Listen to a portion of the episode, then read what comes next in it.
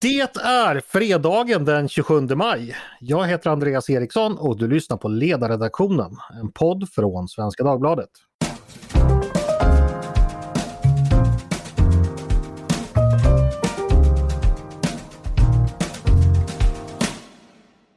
Varmt välkomna hörni! Det är återigen fredag i skymningslandet, den sista i maj 2022. En månad som snart bara kommer finnas i minnen och historieböcker. Vad hände med de timmar och dagar av fågelkvitter, doftade häggblom och nyutslagen syren?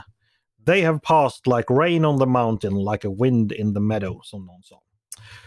Men oförtröttat och idogt rullar samtiden på och kräver sina tolkningar och analyser. Och gänget som ska stå för dessa idag, det är ledarredaktionens motsvarighet till, de, till de teologala dygderna.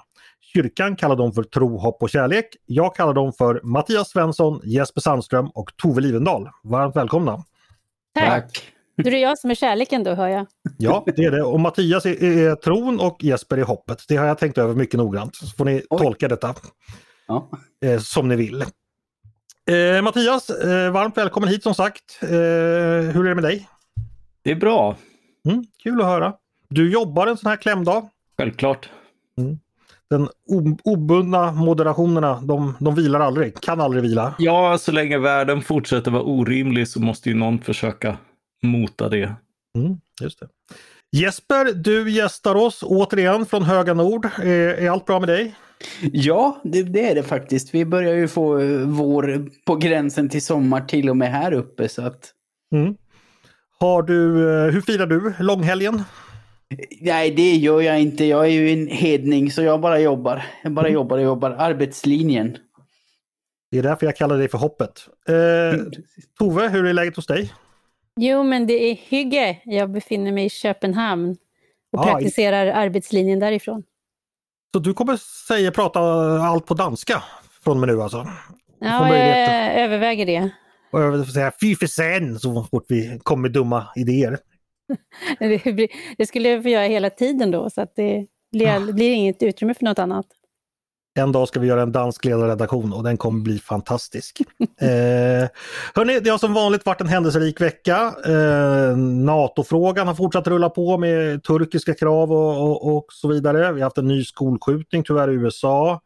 Kriget i Ukraina har fortsatt och någonting obehagligt som kallas för apkoppor dyker allt oftare upp i nyheternas rapportering. Eh, och här hemma har vi som vanligt haft flitigt stökande och bökande på debatt och ledarsidor. Så det finns ju en hel del att avhandla som vanligt. Eh, så vad ska vi börja med?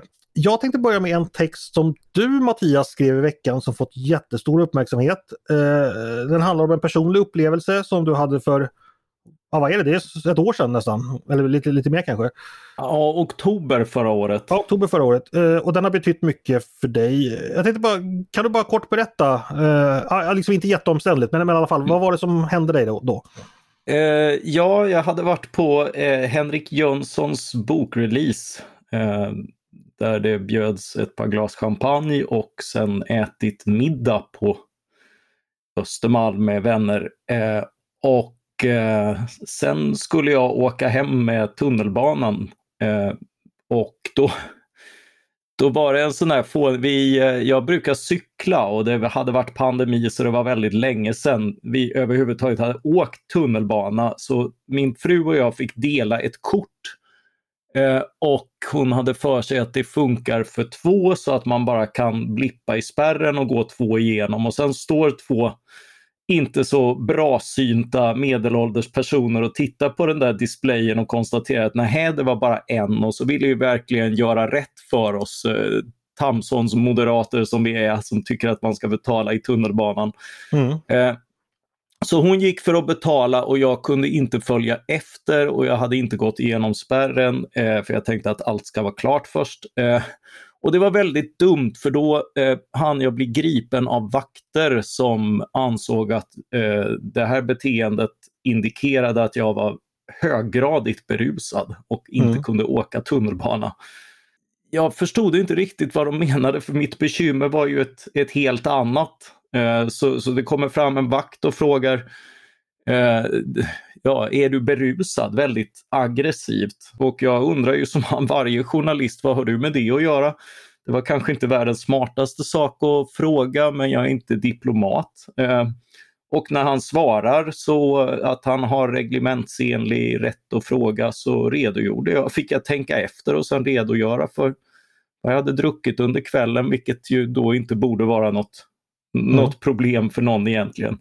Men istället för att förstå det, han var liksom inte så kontaktbar och väldigt uppe i varv, så, så stod han och, och svamlade och eh, då hade vi missat eh, eh, tunnelbanan och sen så, eh, ja det blev väldigt aggressiv stämning så jag försökte undvika den genom att säga att eh, ta, ta farväl. Men sen var jag inte på helt toppen humör så jag sa ju liksom ja, ja, dra åt helvete och sen gick jag mot Sverige. För då hade min fru betalat för oss båda så då var det mm. liksom inget problem överhuvudtaget. Men då blev jag överfallen bakifrån av de här vakterna och eh, ja, sånt har inte jag varit med om så jag vet ju inte vad fan jag ska göra i en sån situation. Jag får ju lite panik. Eh, och, eh, och sen plötsligt så är vi på marken och då blir det ju ännu intressantare. Jag försöker liksom, vad fan är det här? Jag måste bort från den här situationen. Det är ju farligt liksom. Jag, jag har aldrig varit i handgemäng i vuxen ålder. Eh, så, och, och, då börjar liksom den här aggressiva vakten ta stryptag och, och jag försöker tala om att jag får ingen luft och, och då klättrar han upp på ryggen, sätter knät i ryggen och det har vi ju historier om. Eh, mm. och jo, precis jag, jag, lungorna töms väldigt snabbt på luft då. Eh, och eh, eh, sen när han lugnar ner sig, den, den, andra vakten har då handklovat mig och det känns ju liksom som en väldigt, väldigt dum idé att låta sig handklovas av två så hämningslösa personer. Så jag håller ju emot, men, men när, de då, när han börjar lugna ner sig så tänker jag att då, då lugnar jag också ner mig. Liksom. Så jag blir gripen helt enkelt. Men vad är det du blir gripen för? För, för att de tror att du är berusad eller för, att, för, för den här att du har bett dem dra åt helvete? Eller vad, vad var det som... De, deras version är ju att jag ska ha varit jätteberusad och eh, eh, därför olämplig att åka tunnelbana, vilket ju beror på det här initiala missförståndet som vi borde ha kunnat redas ut för länge sedan. Okej, okay. ja, vad, vad hände sen då? Eh, ja, sen blev jag insläpad i ett sånt där litet rum och där där är det ju plötsligt fyra vakter och väldigt aggressivt beteende och sådär. Eller liksom de, de tuppar sig och kaxar. Mm. Det är mm. väldigt tydligt liksom sådär att de, de, de agerar på ett helt annat sätt när de liksom inte är allmänhetens strålkastarljus och, och, och öser glåpord över en och sånt där. Liksom. Så, Eh, jag blir bland annat kallad förståndshandikappad och sådär. Och så visiterar de ju en också. Jag har ju varit på Henrik Jönssons release och det, då är det någon som känner igen Henrik liksom på, på, på omslaget och bara liksom, äh, Henrik Jönsson, det är ju bara det är bara 14-åringar och nazister som läser en sån. Liksom, sådär. Uh, mm. Och det, det, finner jag väldigt komiskt för att det är så fel och, och sen också lite grann lugnande därför att jag har ju fått rätt många eh, fördomar om vakter bekräftade, men, men de här är i alla fall inte nazister. De ser i alla fall nazism som något dåligt. Det var ju alltid något. Mm. Eh, precis. De ändrar beteende väldigt tydligt säger du när så att det inte finns några andra vittnen. Vad var, och börja ja, förolämpa eller, alltså så här, jag menar, det, det, var ju inte som, det var inte som att jag, äh, som, som att de var lugna innan heller liksom. Men, men, men det var väldigt tydligt att, att, att det finns en vana att liksom kaxa och provocera med folk som är handklovade. Mm, okay. För att men se vad man liksom kan, kan, kan få göra. Liksom. Mm, okay. Det låter ju väldigt obehagligt. Eh, och det blev ett efterspel efter det här då. Eh, ja, bara kort ja det, det, det, tråkiga med att bli misshandlad av vakter är ju att, att eh, det är de som på något sätt har lagen på sin sida genom det här som heter våldsamt motstånd, men som är en gummiparagraf som omfattar i stort sett allting utom att du lägger dig platt, vilket är rätt svårt att inse när, när du plötsligt blir anfallen bakifrån. Och eh, det, det, blev ett rättsligt efterspel men eh, eh, det rättsliga efterspelet slutade med att rättsstaten faktiskt fungerar, vilket är väldigt fint. Alltså polisen tog vittnesmål från andra också och eh, jag hade också lite, lite teknisk bevisning. Eh, aha, jag kan faktiskt teknik. Eh, jag kom ju på det att eh, jag gick ju hem sen, eh, eller i alla fall en bra bit efter att ha fått skjuts till Ropsten. Eh, så gick jag hem eh, och det är en knappa fem kilometer. Och dagen efter så var jag ute och sprang en, en mil och sådär. Inget av detta är ju liksom det, det, är svårt att göra efter dryckesorgier av, av, av någon större natur, särskilt i min ålder. Liksom. Så, mm. så jag skickade in det, vilket, vilket förmodligen också har beaktats i att, att liksom, de här vakterna påstod det helt enkelt rent hittepå. Eh, mm. Och, eh, och eh, åklagaren underkände och eh, bevisen och jag är inte misstänkt för någonting längre och det var ju väldigt trevligt. Eh, jag förstår det. Vad, eh, ja, det här är ju en sån sak som har hänt i ditt privatliv, men vad, är, vad var det som har fått dig att skriva om den offentligt? Vad vill du säga? Vad var det för tankar som fötts? Ja, det är väl egentligen, jag har ju svårt att hålla käften om saker, så det var väl mer liksom frågan om hur, eh, hur det skulle komma ut och, och, och sådär. Så, eh, så då kunde jag väl lika gärna skriva om det och lite grann, det, det är ju en det är ju någonstans en inblick i en värld där, där man inte förväntar sig att hamna som, som eh, medelålders, eh, eh, ganska stillsam person som aldrig har varit i ett handgemäng i vuxen ålder. Mm. Men du, du, i din text du tar ju ändå upp att du liksom tänker lite kring det här hur, hur våld används av, av våldsmonopolet eller vilka, vilka som kan använda våld och vad vi ska ha för regler och lagar kring detta helt enkelt. Ja, ja man, man, man gör ju ändå det att, att liksom för jag har också väldigt lätt när, när man diskuterar eh, behöver liksom bara gå till mig själv. Liksom, sådär. När man diskuterar grov brottslighet och annat så, så vill man göra ge alla möjligheter att, eh, att bekämpa den och sådär. Och, Eh, Eh, och eh, ett utvidgat lagrum behövs ju i många sammanhang. Sådär. Men, men det är ju ytterst alltid, våldsmonopolet är ju som jag skriver ytterst alltid en människa. Det är skönsmässiga bedömningar, det är Eh, det, det, kan riktas mot, mot oskyldiga. Det är därför vi har hela rättsstaten för att pröva vad som har hänt också i efterhand och kunna, kunna korrigera fel på, Eh, Eh, på möjliga sätt. Och det är ju inte bara fel som medborgare begår utan också fel som våldsmonopolet begår och, och det, det, är en väldigt viktig kontrollmekanism. Mm. Så att här finns ändå någon sorts eh, potentiell fara med, ja, i synnerhet mot bakgrund hur de politiska vindarna blåser idag när det gäller man kan ju tänka sig exempelvis att du tänker kring visitationszoner där man får, där är det i och för sig polisen som ska utöva och inte vakter men ja, det finns ju ändå en sorts problematik här. Ja, ja, det finns det ju helt klart och, och, och, det har man ju märkt i USA inte minst, liksom, där, där det är liksom väldigt tydligt vissa grupper, vissa områden och sånt där som eh, som utsätts för misstankar om och om igen och vad det gör med någon som, eh, med någon, någon som inte är skyldig. Liksom. Det, det är klart att, att sånt är, är nedbrytande, att inte ha, ha rätten på sin sida. Eh, mm. Var, varje sånt ingrepp har ju liksom också en kostnad. Det är ju alltid en balansgång och ibland glömmer man i liksom resultatinriktandets namn att, att det är just en balansgång, att det är en prövning och att mer inte alltid nödvändigtvis är bättre. Och sen är det också så att, jag menar, det är ju så att befogenheter kommer att användas inte bara där det är befogat så att säga, utan också liksom av, av, av små påvar och, och, och, mot folk som inte är speciellt farliga. Liksom. En batongliberal är en liberal som ännu inte har fått känna batongen själv kanske? Ja, lite grann så. Jag, jag har ju en sån vändning. Det sägs ju liksom att en, en amerikansk liberal liksom är en en, kon, en, det, det, är no, det, är en konservativ som inte har blivit, han, han har inte blivit rånad än. Liksom. Mm. Ja, och när han blir det så blir han konservativ. Men, men på samma sätt, liksom, om, om man blivit illa behandlad av, eh, av våldsmonopolet så, så får man kanske en mer nyanserad syn. Vad har du fått för reaktioner på texten?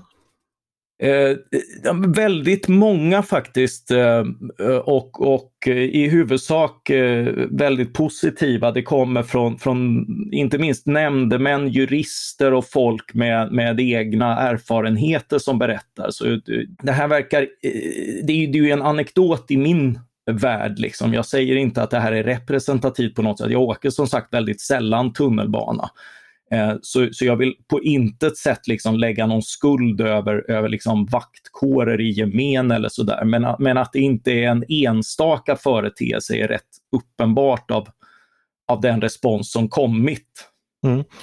Nej, men jag skulle säga att det här är väl någonting som vi har levt med i decennier skulle jag säga. Eh, att Återigen utan att döma ut en hel yrkeskår eller uttala sig helt generellt, men att det förekommer regelbundna övertramp av den här typen som också uppmärksammas och det diskuteras men så händer det inte så jättemycket. Jag minns ju själv där, eh, på den tiden jag gick ut på, på krogar och klubbar och sådär att då var det ju dörrvakter som man kunde se bete sig väldigt märkligt och väldigt aggressivt och, och väldigt konstigt. Så att, eh, ja, det, det är någonting de, jag tror de flesta känner till att här finns ett spänningsfält som inte är alltid är så bra. Eh, Tove, vad tänker du?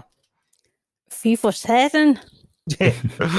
jag, jag har suttit där med dåligt samvete för att jag för en stund sedan så här, lät antyda att mina kollegor inte skulle säga vettiga saker. Det var mm. inte det. Jag tar tillbaka det. Men mm. här är ju verkligen en sån situation där det uttrycket är befogat. Att eh, det får gå till på det här sättet. Så jag tycker att det är otroligt viktigt. Och jag tror, precis som du Andreas, att det här är Ja, vi har alla mött de dörrvakter som borde ha gjort någonting annat och inte haft den makten som det innebär att ha det här lilla kungariket. Och eh, det här är inte heller första gången jag hör berättelser som drar åt det här hållet. Och i, i Mattias fall så var det ju så ja, otroligt graverande tycker jag att det här att det, ägde, att det skedde på det här sättet. Mm. Just det. Eh, och så dörrvakter det, det är kanske en sak men det blir på något sätt än värre när det är i de offentliga, kom, kom, offentliga rummet så att säga, i de offentliga kommunikationsmedlen där liksom alla bör kunna känna sig trygga tänker jag. Jag vet inte om ni minns det men vi hade ju en skandal för det är snart 20 år sedan då med dåvarande SSU-chefen eh, Anna Sjödin hette hon då var ju inblandad i bråk med dörrvakter och hon drog ju faktiskt efteråt, hon och hennes man drog igång en slags kampanj kan man kalla det som handlar just om vad de kallar det väktarvåldet. Jag tror den dog ut ganska snabbt. Men det var, ju, det var ett exempel på där man liksom försökte lyfta och återigen, nu vet jag inte vad som hände på Crazy Horse den gången 2006, så jag ska inte döma någon där. Men liksom, frågan har ju varit aktuell vid många tillfällen och när Mattias berättar historien så jag känner igen det själv från, jag har haft vänner som har råkat ut för samma sak där det faktiskt har gått till rättegång och, och sådär. Så att det, det är ju någonting som helt enkelt existerar. Eh, gör du det uppe i Luleå också Jesper eller vad, har, du, har du erfarenheter av detta?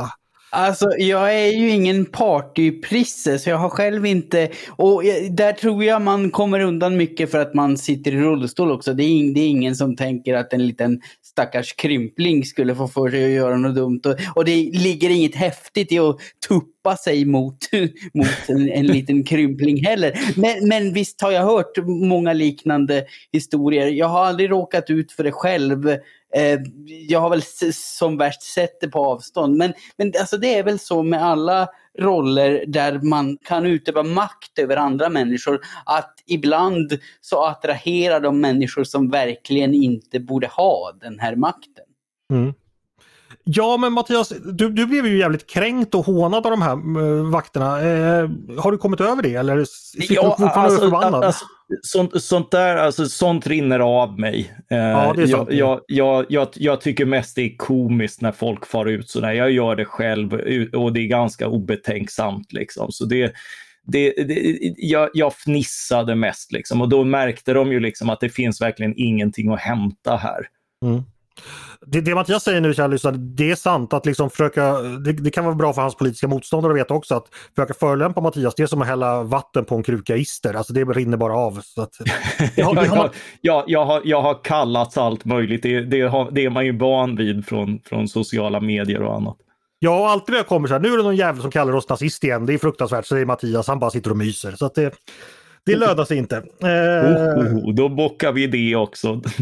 Exakt.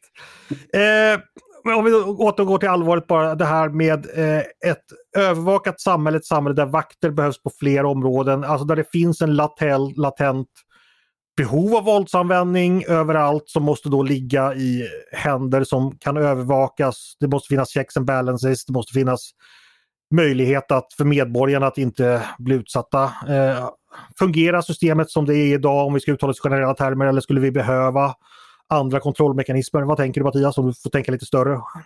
Uh, alltså, vi, vi ska aldrig förvänta oss ett ofelbart system. Det är ju det viktigaste. Och, och hela rättsstaten bygger ju på det. Alltså, rättsstaten finns ju till för, för just felbarheten åt alla håll. Mm. Uh, det är därför vi prövar vad som händer. Det är därför det finns granskning och sådär. Och det, det är väldigt viktigt att inte tappa det. För i det här fallet så, så, så blev jag ju lyssnad på av den utredande polisen som sen la fram ett underlag som, som, som blev så pass rättvisande att, att åklagare kunde bilda sig en, en, en uppfattning om, om vad som hände som inte bara byggde på, på vakternas vittnesmål. Och, eh, och, och det, det är ju den typen av, av balans som, som behövs. Mm. Utifrån din berättelse tycker jag det låter som eh, vakterna utövade ett inte ringa grad av övervåld. Du funderar inte på att själv anmäla dem? Nej, eh, jag, jag ville för min del mest lämna det bakom mig. Dels för att jag menar när, när, när man blir utsatt för något sånt och, och liksom sen också eh, med, med liksom en brottsrubricering så känner man sig skyldig. Alltså det, det var ju, min första reaktion var ju att liksom gå till mig själv och se är, var jag vållande till den här situationen och i vilken grad? Det är klart, jag svarade inte på ett optimalt sätt. Det, det är ju helt uppenbart och, eh, och jag fick liksom också hjälp att titta på, liksom, se över, dricker jag för mycket eller något sånt där liksom, och, och, och få komma fram till det. Att eh, eh det, det gör jag förmodligen inte. Liksom. Det, är, det är förvisso, förvisso mina uppgifter men, men liksom väldigt, väldigt få eh, tyckte något annat. Så, så liksom, det där eh, det, det, gör ju liksom att jag känner mig rätt nöjd med och jag vill inte hålla på och grotta i det längre. Plus att jag, jag vill inte sätta mig till allt för stor... Jag, jag, är inte jurist, jag vet inte om det här är olagligt eller bara olämpligt. Det får ju liksom arbetsgivare och andra mm. bedöma. Men jag har ingen lust att, att hålla på och grotta i det där och motanmäla och hålla på med någon rättshaverism utan jag vill liksom bara bli lämnad i fred. Det finns ju en viss maktasymmetri här eftersom du är den uppburna ledarskribenten som kan berätta för hela Sverige din version. Det ja. kan inte vakterna riktigt göra. Har du funderat någonting på hur de tänker när de läser och känner igen sig själva? Eh, ja, eh, alltså, alltså jag, jag ger ju som sagt Eh, min version. Eh, deras eh, har de lämnat i, i polisförhör och annat. Den har underkänts av eh, åklagare eh, därför att det fanns andra vittnesmål på platsen inklusive eh, teknisk bevisning och annat som kanske inte brukar finnas i sådana här fall. Så, men, men jag tror ju liksom, alltså det här är ju ett missförstånd som tilläts eskalera och jag vet ju inte vad det beror på att den här vakten var så oerhört taggad och, och aggressiv redan från början. Det, det eh, deras arbetssituation är ju inte lätt. De har ju en massa situationer att hantera och det kan ju vara något sånt som spelar in, tänker jag. Alla kan ju ha en dålig dag på jobbet. Ja, men jag kan ju inte tänka mig att det ligger i vakternas eh, arbetsuppgifter att eskalera en situation. Det är väl snarast tvärtom. att Trygghet skapar man genom att deeskalera så att säga. Ja, exakt. Alltså det var ju extremt. Jag är ju bara en amatör, men det är ju extremt oproffsigt. Allt ifrån liksom hur man hoppar in i en situation där man inte är lösningen utan problemet till hur man väljer att eskalera det med liksom överfall på någon som går vidare och sådär. Liksom. Det, mm. ja. Ja, men jag har en fundering mm. när du säger sådär att, att man som vakt som är liksom incitamentet, eller som är intresset att, att deeskalera en situation. Och det beror ju på, det beror ju på hur man mäter framgång på arbetet, hur man bedöms. Eh, det finns ju, jag, tycker man får komma ihåg den här sortens forskning som brukar peka på att vi människor beter oss på ett sätt när vi vet att vi är iakttagna på ett annat sätt när vi inte tror att någon ser på. Eh, och jag tänker också att är det så att man kanske har, nu sitter jag och spekulerar hej vilt här, men jag tänker att om det är så att man vill visa att man behövs, så kommer ju kanske situationer som har behövt leda till polisanmälningar eh, kan ju möjligen anföras som ett, ett bevis för att det är så. så. Jag tycker att det finns anledning att Eh, jag hoppas att de personer som sitter i liksom den situationen att man upphandlar och, och liksom lägger ut såna här tjänster och köper in tjänster, att man verkligen vet vad det är man mäter och följer upp saker. Och är det så att man kanske har ordningsvakter som återkommande har ärenden som förs till mål, så kan det vara värt att gå och titta igenom de målen och se vad det fanns för grund. Sen mm. är det inte säkert så att alla gör så som Mattias gör heller, att bestämmer sig för att ändå tala för sin sak, utan det är kanske många som ja, efter några glas vin tänker att Nej, men det, var, det var nog mitt fel och låter saken, liksom bara tar saken. Mm. Så att, men jag, jag, tänker att man, vi, jag tror att det går att vrida och vända ganska mycket på detta och att den här att vi alla har hört någon som och känner till eh, tyder kanske på att vi borde ha en större genomlysning av det här området. Och ytterst finns det här ett politiskt ansvar, denna gång i form av eh, den politiska ledningen för Region Stockholm med moderaten Kristoffer Tamsson i spetsen som då är trafikregionråd. Där skulle man kanske vilja ställa frågor om Ja, jag, jag skulle nog kunna tänka mig att kunna formulera några frågor åt det hållet. Kanske vi gör i en framtida podd. Rent av. Då tänkte jag eh, vi ska gå vidare lite halvt för jag tänkte vi ska göra ett nytt litet avsnitt i vår serie Så funkar en ledarredaktion. Eh, nu ska vi inte prata om Mattias exempel i praktiken men jag tänkte ändå fråga dig Tove, det här med att det händer grejer ute i livet för dina anställda, för oss som jag på redaktionen, eh, som kan väcka uppseende. Säg då att Mattias, eller ta, ta mig exempelvis istället för att ingen ska kännas utpekad. Om jag helt enkelt skulle gått runt och betett mig på fyllan och eh, hamnat i slagsmål med väktare och sådär. Alltså, I vilken grad kan det bli problem för dig som arbetsgivare och i vilken grad kan det bli problem för eh, Svenska Dagbladet som, som mm, publicistisk aktör? Ja, om du har en eh, uppgift som ledarskribent som innebär att du varje dag eh, alltså, tror att du är något, för att tala med Jantes språk. Mm. Eh, att du söker uppmärksamhet för att dina argument ska anses giltiga och trovärdiga, så är ju det väldigt svårt att frånkoppla från en person. Mm. Det, du är ju liksom avsändaren och i synnerhet på vår redaktion där vi alltid skriver nästan signerat så är det ju liksom, det bygger på att du kan ha en förtroendefull relation med läsaren. Och där blir det ju ganska snabbt skulle jag säga ett bekymmer ifall eh, du i ditt privatliv beter dig på ett sätt som kan eh, ja, eh, ställa sig i vägen för det du vill säga och som kan eh, göra att du, du här, inte ses på med respekt därför att du beter dig illa. Mm.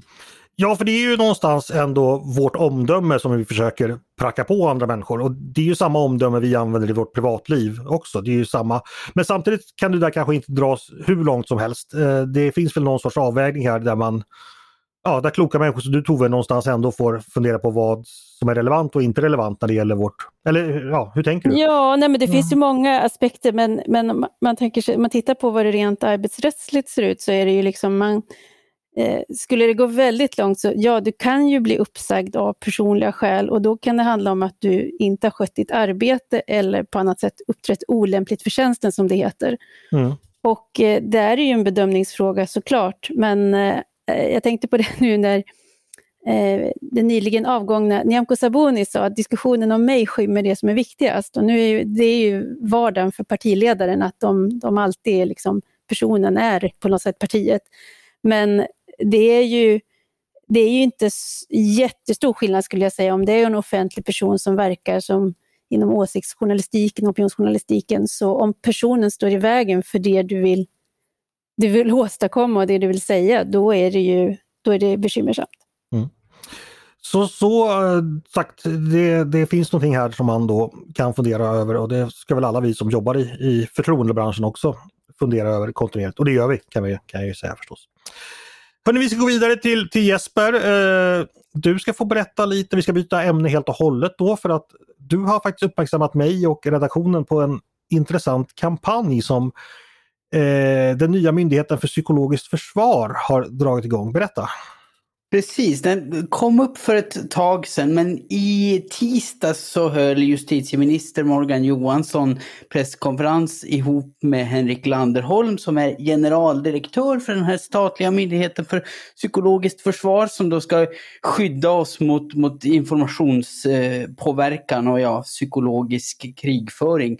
Mm. De presenterade då en informationskampanj mot desinformation på hemsidan med det tydliga namnet Bli inte lurad.se. Mm. Alltid klokt. och som namnet antyder då så handlar den just om att man inte ska låta sig luras av ja, falsk information och påverkansoperationer och så vidare. Och det kan väl låta bra. Ehm, den höll en ganska basic nivå men innehåller några matnyttiga grejer om hur man kan upptäcka fejkat innehåll och utöva källkritik och sådär. Men den innehåller tyvärr också ett väldigt stort men. Därför att de hade ett avsnitt i den som heter Skratt som kan skada. Mm -hmm. Och där varnar de då för att humor och satir kan användas för att sprida vilseledande information och förlöjliga eller kritisera personer eller åsikter.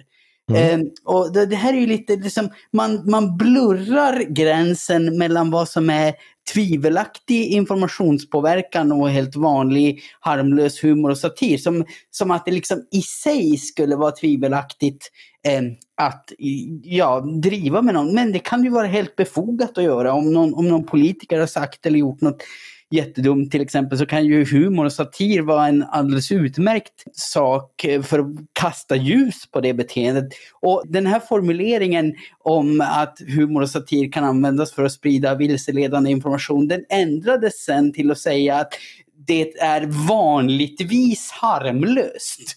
Eh, mm. Så det var väl någon på, på myndigheten som insåg att den där första formuleringen var kanske inte helt hundra.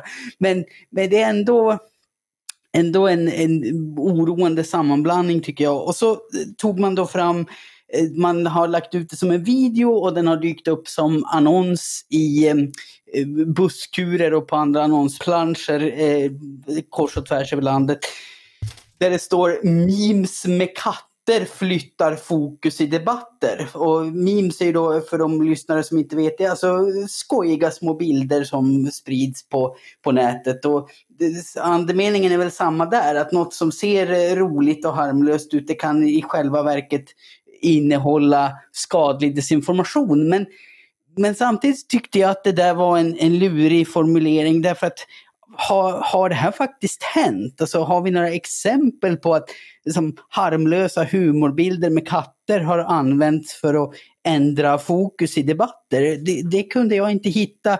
Och, så jag hörde av mig till myndigheten för att få klarhet i det här. Och de hade ju heller inga tydliga exempel på att det skulle vara just så, utan de menade väl att det var liksom, allmänt illustrativt på något sätt. Och pratade istället om att jo men, jo, men memes och humor har använts för att sprida desinformation, till exempel runt presidentvalet 2016, eh, där det då användes för att svartmåla Hillary Clinton av många Trumps anhängare.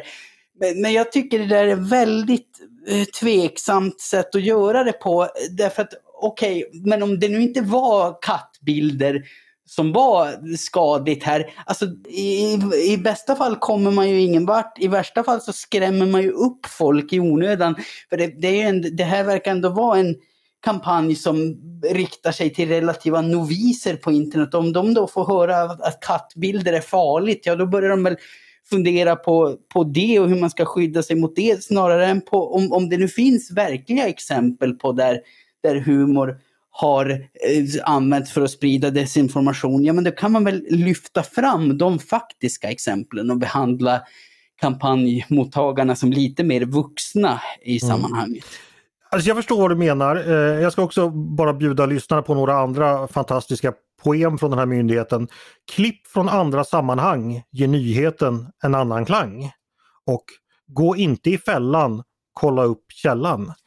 Men Jesper, du skulle ha ringt till mig istället för styrelsen för, eller Myndigheten för psykologiskt försvar. För jag kan nog plocka fram exempel. Jag kommer inte nämna dem här nu för jag tänker inte peka ut det. Men jag följer ett antal vad jag tror är påverkanskonton och en hel del av dem använder just humor och skämt och skriver ofta att eh, det är ju satir och sånt där för mm. att föra in vad jag då uppfattar som utländsk påverkan. Jag är ganska säker på att det rör sig om det. Jag kan visa dem, skicka dem till dig sen. Så jag tror nog ändå finns. Men jag håller med ja. dig om att det här sättet att varna för det framstår ju som ganska purilt på något sätt. Ja, och, och alltså det, det är säkert alldeles riktigt att, att det finns. Där, därför att jag menar, ja, det, det är klart att, att humor eh, används för att linda in budskap och, och jag menar humor för desinformationens skull, det har väl funnits så länge både humor och desinformation har funnits. Antagligen, det, det är ju ingen ny tanke så att säga. Liksom. Just därför så, så vore det då befogat med, med mer seriösa exempel på när och hur det händer. Och jag tror att det finns en fara i att liksom piska upp en allmän skepsis mot humor och satir när det samtidigt finns allt starkare rop på censur på internet. Liksom i, i mm. EU nu så håller vi på att få ett lagpaket som ska göra att sociala medieplattformar ska bli betydligt mer snabba och stringenta i att plocka bort innehåll som kan vara det minsta tvivelaktigt. Och därför, därför tror jag att det är farligt att blurra den här gränsen. Och om man nu ska upplysa om saker där, där humor har varit, alltså har använts för tvivelaktiga syften, ja då kan man för all del peka på, på riktiga exempel. Jag tror en annan fara det är ju att myndigheten helt enkelt gör bort sig för att den framstår som lite töntig. Och det tror jag mm. säkert vi kommer få se i påverkanskontona kommer hånflina åt myndighet, äh, myndigheter för ja, och då har de ju så att säga fått en poäng för att det är lite mm. töntigt att hålla på och varna på det här sättet. Så att... Precis, för det, det, låter mer som att de har fokuserat på de skojigaste rimmen de kunde hitta som inte var så skojiga heller än, än, än på liksom faktisk desinformation. Och, och det är ju som du säger, det är ju ett problem därför att det finns ju på riktigt och just det här, jag menar att komma med ganska grova påståenden och sen liksom backtracka till att säga att nej men det var ju bara på skämt, fan kan, mm. du, inte, kan du inte ta ett skämt? Skämt. Ja, det, det är ju ett problem, men, men det kan man nog belysa på, på betydligt bättre sätt och på sätt som inte liksom piskar upp skepsis mot humor och satir i största allmänhet. Mm. Uh, Andreas, får jag vara den avvikande rösten nu när Peter Wemblad inte är med? Ja men absolut, kör Peter. jag vet inte, jag, jag kör utan Gotlands klang. Eh, nej men jag, jag, tycker att det här är genuint svårt därför att eh, jag ser inte att man skulle kunna låta bli att, att försöka göra någonting för att rusta medborgarna mot de olika sorters påverkanskampanjer som sker. Och samtidigt så blir det ju så lätt, precis som ni är inne på, alltså det, blir, det blir ett löjets skimmer och det blir liksom lite när Bamses helsida när man ska prata om källkritik och så mm. har man med vuxna människor att göra. Men samtidigt så är det ju så att det är blurrigt därför att menar, informationskrigföring syftar just till att blurra till det och göra gränserna utsuddade. Så det går liksom inte riktigt eh, att... Det, det, är det jag tror man försöker också förklara, att det här är eh, det man tycker är harmlöst är del av något större. Jag vet, jag hade ju en en, en diskussion som kom upp efter de här Finspångs-memesen som mm. florerade runt. Och där var det just så att ja, men det här är bara skämt, inte ska vi hänga människor i lyktstolpar och lite nazistskämt har ingen dött av och sådär. Och då hade jag, ja, jag hade ganska jag var inte på skämthumör om man så säger, för dels hade jag fått hantera hot mot en kollega och när jag också då eh, markerade den diskussionen så det resulterade i att jag själv fick ett hot som vi fick hantera. Och det är ju det där att det är, eh, och, och, samtidigt, ja, jag förstår liksom att man vill göra en humoristisk poäng. Ni, ni som jobbar med mig vet att jag har ganska eh, dålig och, ja, min, min, min tröskel där med humor är nerslipad. Mm. Eh, men, men, så att jag tycker att det är genuint svårt och det är väl bra att vi diskuterar, men jag ser heller inte att myndigheten ska låta bli och jag tror också att det här med att som du efterlyser Jesper, att man ska ge mer konkreta exempel. Det är inte säkert att man vill ge de exemplen mer uppmärksamhet. Mm. Jag håller med dig Tove. Problemet är att de här typerna av påverkan utövar vad som kallas reflexiv eh, kontroll, vilket innebär att de räknar in hur vi ska svara och reagera. Och då blir ju så att säga, styr, jag säger helt enkelt Styrelsen för psykologiskt försvar, det hette det förut, Myndigheten för psykologiskt försvar blir ju också en del av det. Jag tror man ska också mm. vara mycket försiktig för att gå i de fällorna, att bli den här Bamse skola Liksom, utan man måste mm. helt enkelt vara smartare och tänka till lite mer och den här gången har man inte tänkt tillräckligt långt utifrån vad jag har sett. Ja, nej men, och, och, och jag håller väl i, i någon mån också med Tove här. Alltså det, det, är klart att myndigheten inte kan låta bli att belysa sådana här eh, problematik. Det kanske kan vara svårt att peka på konkreta, verkliga exempel. Men alltså, man, man kan åtminstone peka i den riktningen och kanske föra en lite bredare diskussion om men, hur, hur kan sådana här liksom, gränslandet mellan skämt och påverkansoperation se ut och inte bara antyda att kattbilderna, för, för det är nog väldigt sällan som just harmlösa bilder av katter används eh, för, för, för, för informationspåverkan. Så det blir liksom missriktat. Det, det upprör de som redan har koll på det och förvirrar de som inte har koll på det. Så jag vet inte riktigt. Det, som, det riskerar att ha negativa konsekvenser och jag har svårt att hitta de positiva konsekvenserna. Mm, men jag är med dig där. Ja, vi kan få bjuda in, vi har ju haft Myndigheten för psykologiskt försvar som gäst tidigare i vår. Vi kanske ska bjuda in dem igen och resonera kring de här frågorna. Mm. För det finns ju definitivt saker eh, att diskutera känner jag. Vi eh, behöver en humorpolicy. Precis, vi behöver prata allvar om humorn. Bli eh, inte surad, var inte rädd för humor på internet, Myndigheten för sans och rimlighet. det där förstår jag inte alls, men det kanske var roligt. Eh, hörni, vi ska gå vidare, fortsätta prata eh, offentlighet och medier. Eh, tänkte vända mig till dig Tove. Du har skrivit i, var det idag? Ja, eh, det var idag. Ja om eh, den här eh, långtradaren eller långköraren som har varit då att Sveriges Televisions eh, utländska nyhetsredaktioner eh, är, har sån otur kan vi väl, får vi väl kalla det, när man översätter saker och ting så att det blir väldigt missvisande. Vad skriver du idag om detta? Ja, det gäller Sveriges Radio, inte Sveriges Television. Nej, förlåt, Sveriges Radio. Alltså. Eh, ja, nej, men Missinformation från ledarredaktionen. Exakt, fake news. eh, ja, och sen så måste jag också transparent här berättat, den här skrevs för ett par dagar sedan till och med. Så det var mm. Mm, men publicerades idag. Jo, nej men det är ju den här eh, avdelningarna hos Radio Sweden och eh, då är det den eh, somaliska, kurdiska och arabiska redaktionen som, där man har använt ordet muslimer istället för islamister när man skulle återge Ebba Buschs eh, famösa lördagsintervju i Ekot. Sen har man då utrett sig själv och kommit fram till att man inte har sett någon systematik i de här felen. DN har hållit i det här och fortsatt att granska och man har haft samtal med tidigare anställda på Radio Sweden och som alla då har pekat på att det här med kvalitetsproblem har varit återkommande. Och eh, det har dessutom varit så att när man har påtalat fel så har det funnits en ovilja att rätta och ta hand om det. Eh, och där finns det ett, ett en av de saker som framkommer i DNs granskning, det är då ett inslag från den arabiskspråkiga redaktionen som handlar om den här kritiken och kampanjen då som har förts mot socialtjänsten där flera föräldrar i inslaget hävdar att deras barn har blivit omhändertagna på felaktig grund men socialtjänsten får liksom inte möjlighet att bemöta anklagelserna vilket är ändå lektion 1A i vanlig nyhetsrapportering, att du låter mm. den som är anklagad bemöta det.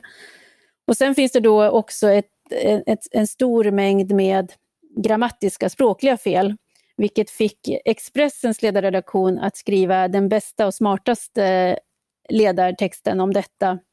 De har då gjort ett stycke där de helt har tagit bort skiljetecken på samma sätt som var på de här, på, i, de, i de här eh, nyheterna och det blir alldeles uppenbart att så går det inte att Eh, så kan inte public service rapportera. Det är, vi skulle aldrig liksom acceptera eller godta den standarden på svenska. Så att min slutsats är ju bara att antingen får man se till att det här håller en godkänd nivå eller också får man pausa tills man kan garantera det. För att apropå den tidigare diskussionen så har vi då ett, ett, en situation där vår skattefinansierade public service riskerar att sitta och sprida både undermålig, felaktig och obegriplig information. Mm, precis, vi är emot felaktig information eh, är vi tydliga med. Nej men absolut, det får väl hoppas. Eh, kommer det ske tror du? Eller kommer man kunna samla ihop sig? på? Eh, ja, det, det, ja jag, jag, förväntar mig liksom inget mindre. Det är också så att jag vet att inom public service så har man ju en, eh, man har ju någon slags mentalt beredskapsläge med tanke på utblicken av vad som har skett i Polen och Ungern och det finns en rädsla för att vi ska få en en, en politisk utveckling i Sverige som innebär att, att man liksom stryper åt eh, de fria medierna och, och inte minst då kanske public service-utrymme eller så. Så det finns ju en, en, en, en sån, jag hör den artikuleras i olika sammanhang och då tänker jag att det allra bästa motmedlet är ju se till att man gör sitt uppdrag oklanderligt så det inte finns något att, att kritisera. Tyvärr har det tidigare varit så, i alla fall när det gäller Sveriges Radio, eh, att jag har inte jättehög förtroende för deras förmåga att inse det här. Att eh, de reagerar då väldigt, väldigt ofta med att eh, man inte har gjort fel själva och att egentligen att kritiken då redan i sig, fast den är saklig, är politiskt motiverad och därför ska man inte lyssna på den. Vilket jag tror är en helt livsfarlig utveckling för Mm. ett public service som vill bibehålla sitt oberoende. Eh, där tycker jag att Sveriges Television har skött sig betydligt bättre men, men Sveriges Radio ligger, ja, ja vi får se hur det går om man förmår samla ihop sig. Vi får väl hoppas det. Eh, jag kommer att tänka på en sak, jag skulle vilja ge er, er lyssnare ett litet tips. Vi pratade ju om eh, psyk, för, eh, psykologiskt försvar för en tid sedan. Om ni går in på Youtube och söker efter När kriget kom, då kommer en av de första träffarna vara en film från Styrelsen för psykologiskt försvar som är gjord under kalla kriget 1987 eller något sånt där. Eh, den är eh, förstås hysteriskt roligt daterad film men ändå ganska intressant Både för att man lär sig en hel del om eh, psykologisk krigsföring och för att man lär sig lite om eh, hur Sverige såg ut på 1900-talet. Så att har ni en halvtimme över och vill titta på en eh, film om eh, ja, psykologiskt försvar så titta gärna där. Det är ett, det är ett tips för mig. Hörrni, vi ska gå vidare till ett helt nytt inslag i Fredagspodden som jag kallar Svar direkt. Eh, det innebär att jag slänger in en aktuell fråga och någon av er eh, får, om ni vill, komma med en åsikt och så kollar vi om resten köper den åsikten. Det kanske låter lite knepigt men jag tänkte vi skulle testa. Eh, och det här ska jag säga, Okej, det är, Sivert. precis. Eh, just den som vill svara säger Sivert. Kan vi inte säga VASP? Nej, nu blev det alldeles för internt här. Eh, förlåt, salig We, Sivert. we are Satan's people. Precis. Hörni, då säger jag så här. Betyget F, alltså underkänt, ska tas bort, lyder ett populärt förslag på skoltwitter. Är vi, Sivert. för, Jaha. är vi för eller emot? Jag vill ha svar direkt. Tove? Jag tycker inte att det ska tas bort, men jag vet att det föreligger skiljaktiga meningar på redaktionen. Så jag Ja. får väl skriva signerat i frågan. Jag tänker att det viktiga är att man får en ärlig, eh, en ärlig återkoppling om vad man kan och inte kan. Och är det så att det är många som har, lider risk att få F så har vi ett bekymmer med någonting som vi vet vad det är och kan jobba med det. Så att jag eh, tror inte att man löser problem genom att plocka bort eh, sanningsenliga eh, omdömen om vad man kan. Där fick vi svar direkt. Är alla överens? Nej. Nej. Haha! Eh, väldigt kort från er båda. Varför har Tove fel? Eh, nej, Mattias får redogöra för varför Tove har fel, för det gjorde han väldigt bra i vår interna jobbchatt häromdagen. Alltså det här, det här får för stora konsekvenser, det är det. Det, det handlar inte, man, man, man får gärna sätta eh, uppriktiga betygsskalor men betyget F innebär att du på många sätt stängs av från vidare utbildning och eh, det läggs därför oerhört stora konsekvenser på, eller stora resurser på att lyfta folk strax över F1.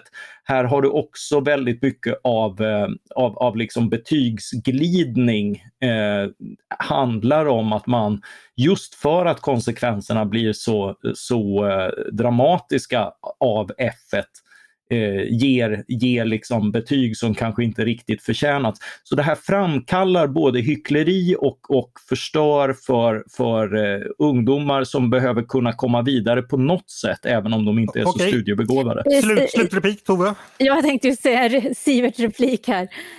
Ja, men då är det ju, alltså, det finns en massa saker i samhället som människor inte kan hantera och vi väljer inte att ta, ta bort dem utan då blir ändå, blir ändå lösningen att vi försöker hitta sätt för människor att hantera den. Så att det, jag tycker att det är en bakvänd argumentation. Tack så mycket. Vi ska gå vidare. Ja, Moderaterna, eh, Moderaterna vill att medborgarna ska ha större inflytande över vad som byggs när det gäller stil. Detta rapporterar Göteborgs-Posten. Det som byggs ser inte ut som medborgarna vill ha. Det medborgarna vill ha är det som byggs i slutet på 1800-talet och i början på 1900-talet, säger partiets bostadspolitiska talesperson Viktor Wernick. Vad tycker vi om detta? Är vi för eller emot ökat medborgarinflytande på arkitekturen? Jag vill ha svar direkt. Jag är emot. Jag är emot. Tove? Men, alltså, ökad medborgarinflytande? Ja, är, Ja. Är de, de är emot det. Är du för eller emot? Ja, nej, jag är, jag är nog så emot faktiskt. Okej, vem vill ta det? Jesper, då får du motivera det. Nej, men alltså medborgarinflytande, det, det, det lät väldigt så här, nu ska vi ta tillbaka den demokratiska kontrollen. Jag, ja, jag tror det, de har låter... och lyssnat lite för mycket på, på Magdalena Andersson. Nej, men inte vet jag, alltså det byggs väl skitfula hus. Vi bodde ju, vi bodde ju i Göteborg och åkte ständigt förbi den här Kville saluhall som vann något arkitekturpris. Är det där Kaspar Selinpriset? Eh, och det, men, det, det, Salin, ja, förlåt. Ja. Eh, och den ser ut som själva fan. Det ser ju till och med jag. jag kan okay, men det låter som i alla fall du, du... Men, men, men jag vet inte om liksom, mer medborgarinflytande är lösningen. Det, det, det, är väl snarare stärkt äganderätt, att, ja. att man får bygga på olika sätt efter hur man tycker och också mot, mot såväl arkitektur som folkopinion om så krävs. Okay, det behöver så. byggas mer. Då är vi överens om den frågan. Moderaterna får bakläxa av de obundna Moderaterna. Eh, vi tar den tredje. Eh, regeringen vill se betydligt färre vargar i Sverige. Idag finns 400 stycken. Det tycker regeringen är alldeles för mycket. Är vi för eller emot? Jag vill ha svar direkt. Sivert. Sivert, Tove? Ja, jag backar regeringen. Du vill ha färre vargar? Jag, jag vill, nej, men jag, så här, jag tycker att det måste anpassas efter människans säkerhet. Mm. det, är liksom, eh, det, det, finns ju en, en, en romantik kring vargar från de som inte har dem in på knuten. Och mm. Jag tycker att det är viktigt att de som har dem in på knuten får eh, vara tongivande i detta. Någon däremot? Nej, Tove har rätt. Mm. Ja, jag, jag har tänkt om där. Jag, jag, fallet Karl Hedin har, har berört mig illa vad, vad, man gör mot, mot folk och också vittnesmålen om. Det handlar inte bara om människor utan också om de, de djur mm. som människor arbetar med. Hundar och, och, och får och annat. Liksom. Mm. Okej, okay, då var det ingen... Var det här ett kul nytt inslag tycker ni? Ja. det får, det får, får lyssnarna, vi, vi, vi, det får lyssnarna avgöra och så, så är vi lite moderatvänliga ja. i det. Precis, får ni, får ni höra av er om detta. Eh, nej men jag tycker det är kul för ibland sakfrågor kan ibland visa på oväntade klyftor faktiskt i, i ledarredaktionen. Och när Peter kommer med så kommer vi få se än mer hiskliga saker där för att han kan ju få för sig väldigt märkliga ja, Det var tur att han inte var med i arkitekturdiskussionen här. ja, nej, nej, men så här, det är, i varje diskussionen, det är väl li, lite som i diskussionen om ordningsvakter, att en, en konservativ är bara någon som inte har fått stryk av en ordningsvakt och en, en vargälskare är bara någon som inte har fått sin innerstadsväskhund riven av en varg ännu. Mm. Så att vill man få stopp på vargarna så släpper vi lös dem på Östermalmstorg så kommer opinionen vara emot. Chihuahuorna kommer att ligga i drö, drivor. Ja. Precis, exempel på, på Toves då tidigare omtalade låga humor. Hörni, vi ska avrunda och när vi rundar av så gör vi det som vanligt med en rundfråga. Då jag mycket spontant kommer med en fråga inspirerad av tiden vi lever i och ni lika spontant svarar. Eh, det är ju Kristi himmelfärdstider då vi firar att Jesus efter 40 dagar som återuppstånden återvände till sin fader i himmelen. Kristi himmelfärd kallas av mindre nogräknade personer för Kristi flygare, vilket får mig att tänka på flygandets roll i politiken. Därför skulle jag vilja vädja till er bildning och spiritualitet på att ge mig exempel på politiska flygningar. Och jag ska börja, att ni får tolka det som ni vill, men jag tänkte faktiskt börja själv den här gången på ett vad jag trodde var en politisk flygning men som inte var det. Men det är nämligen den klassiska bilden när Lyndon B Johnson står bredvid den nyblivna änkan Jacqueline Kennedy och svär presidenteden ombord på Air Force One. Och det sker då alltså på eh, eftermiddagen den 22 november 1963. Eh, det har gått drygt två timmar efter att John F Kennedy sköts ihjäl. Detta sker dock när flygplanet fortfarande står på marken. Jag hade alltid fått lära mig att det var uppe i luften men man ville ha det gjort och klart så att det skulle finnas en ny president eh, innan man lyfte.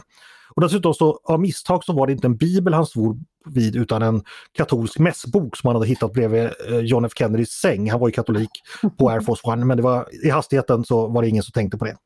Det var mitt exempel som inte var någon flygning, men nu vill jag höra exempel på er på politiska eh, eller samtidskulturella flygningar ni skulle vilja lyfta fram. Vem vill börja?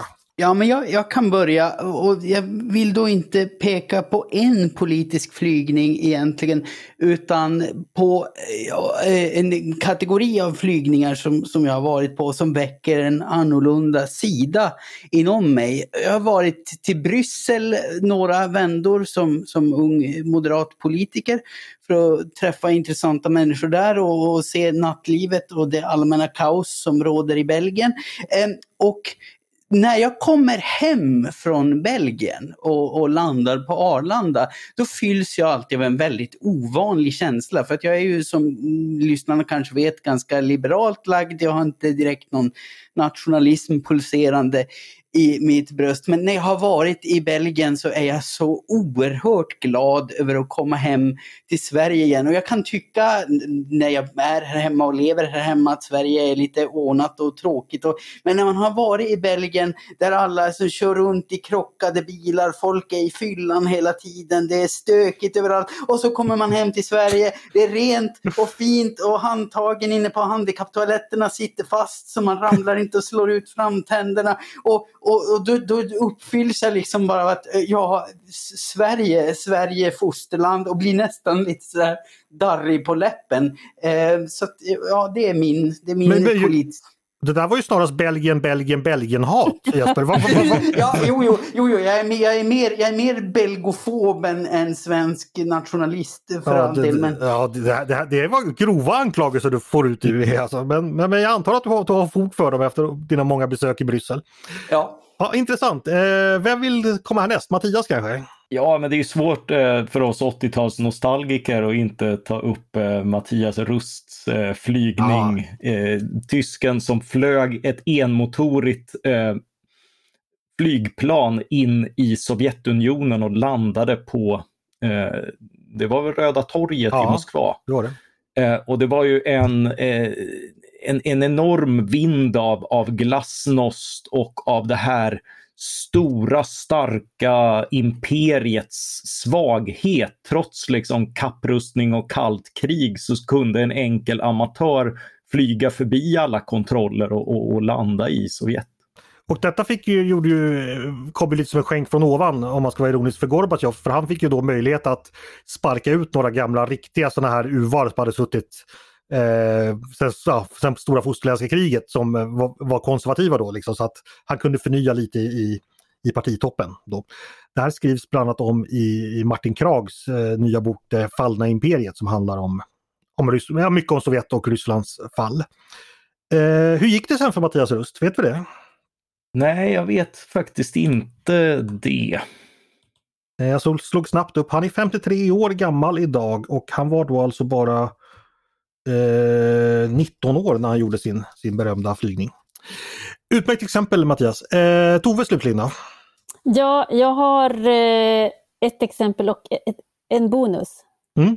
Mm. Låt höra. Mitt eh, exempel det var en eh, politisk flygning jag själv gjorde för kanske 20-25 år sedan och det var en studieresa för riksdagspartiernas representanter. Jag var då en ung representant för Moderaterna som fick vara med och det var en studieresa som var inriktad på NATO och eh, säkerhetspolitiken. Och vi besökte lite olika länder, Bryssel och högkvarteret där, men vi, jag vet vi var till Wien och vi var till något ytterligare land också, ytterligare stad.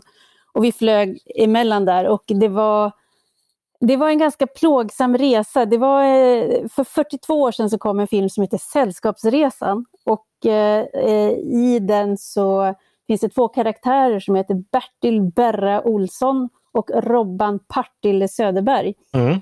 Och eh, de två socialdemokratiska riksdagsledamöterna som reste med var Berra och Partille eh, förkroppsligade. De eh, var högljudda på flyget, de satt och pimplade, de kom alltid för sent till dragningarna och hade då med sig klirrande kassar och souvenirer och skramlade in och fram och var väldigt intresserade av allt utom just det vi var där för att diskutera. Och jag minns att jag skämdes under hela den här resan för att vi inte kunde föra oss som land på ett eh, vettigt sätt. Så jag har fortfarande en sån här sekundärskam i kroppen när jag tänker på den här resan. Hittar de någonsin Peppes Bodega då? Eh, de hittade den varje dag kan jag säga, varenda litet hörn, mm. oavsett vilken stad vi befann oss i. Så de, de, de hittade sina vattenhål, det gjorde de. Mm. Mycket bra exempel. Och låt höra bonusen då. Jo, men det, måste, det var så fint. Jag tänkte på du hade sån poetisk inledning här, så att det här blir fint som avrundning för att twittraren Hemlig sån eh, skrev häromdagen så här. Mellan hägg och syren, eller säsongen för alla med självdiagnostiserad klimatångest under vinterhalvåret att rättfärdiga just sitt eget flygande under den kommande sommaren. Mycket fint. Just det, det har vi haft en flygdebatt också i veckan, den glömde vi ta upp, det får vi kanske göra framöver. Aftonbladets ledarsida har ju gått ut med starkt emot flygskam. Det får vi ta nästa vecka. Eh, för nu är vår tid slut. Så jag ska be att få tacka Jesper, Mattias och Tove så mycket för idag. Ett nöje som alltid. Tack själv Andreas. Ja. Och jag kan berätta att Mattias Rust eh, efteråt, eh, han konverterade till hinduismen. Han hade tydligen träffat en, en kvinna därifrån. Och eh, han har sedan sedermera dömts för bland annat snatteri av en väldigt dyr kashmirtröja. Så att han haft problem med, med, med myndigheterna och han 2009 påstod, påstod han sig vara professionell pokerspelare och 2012 ska han ha arbetat på en eh, investmentbank. Det är det senaste som Wikipedia kunde berätta om honom. Eh, stort tack för, till Mattias Rust för, för eh, nöjet på 1980-talet. Eh, och stort tack till er som har lyssnat på eh, Ledarredaktionen, en podd från Svenska Dagbladet. Hör jättegärna av er till oss med reflektioner och tankar och synpunkter på det vi har precis diskuterat. Det nya Sivert-inslaget exempelvis. Eller om ni har idéer och förslag på saker vi borde ta upp i framtiden. Mejla då till ledarsidan snabel svd.se. Dagens producent det är en av panelisterna själv, Jesper Sandström. Själv heter jag Andreas Eriksson och jag hoppas att vi hörs igen snart.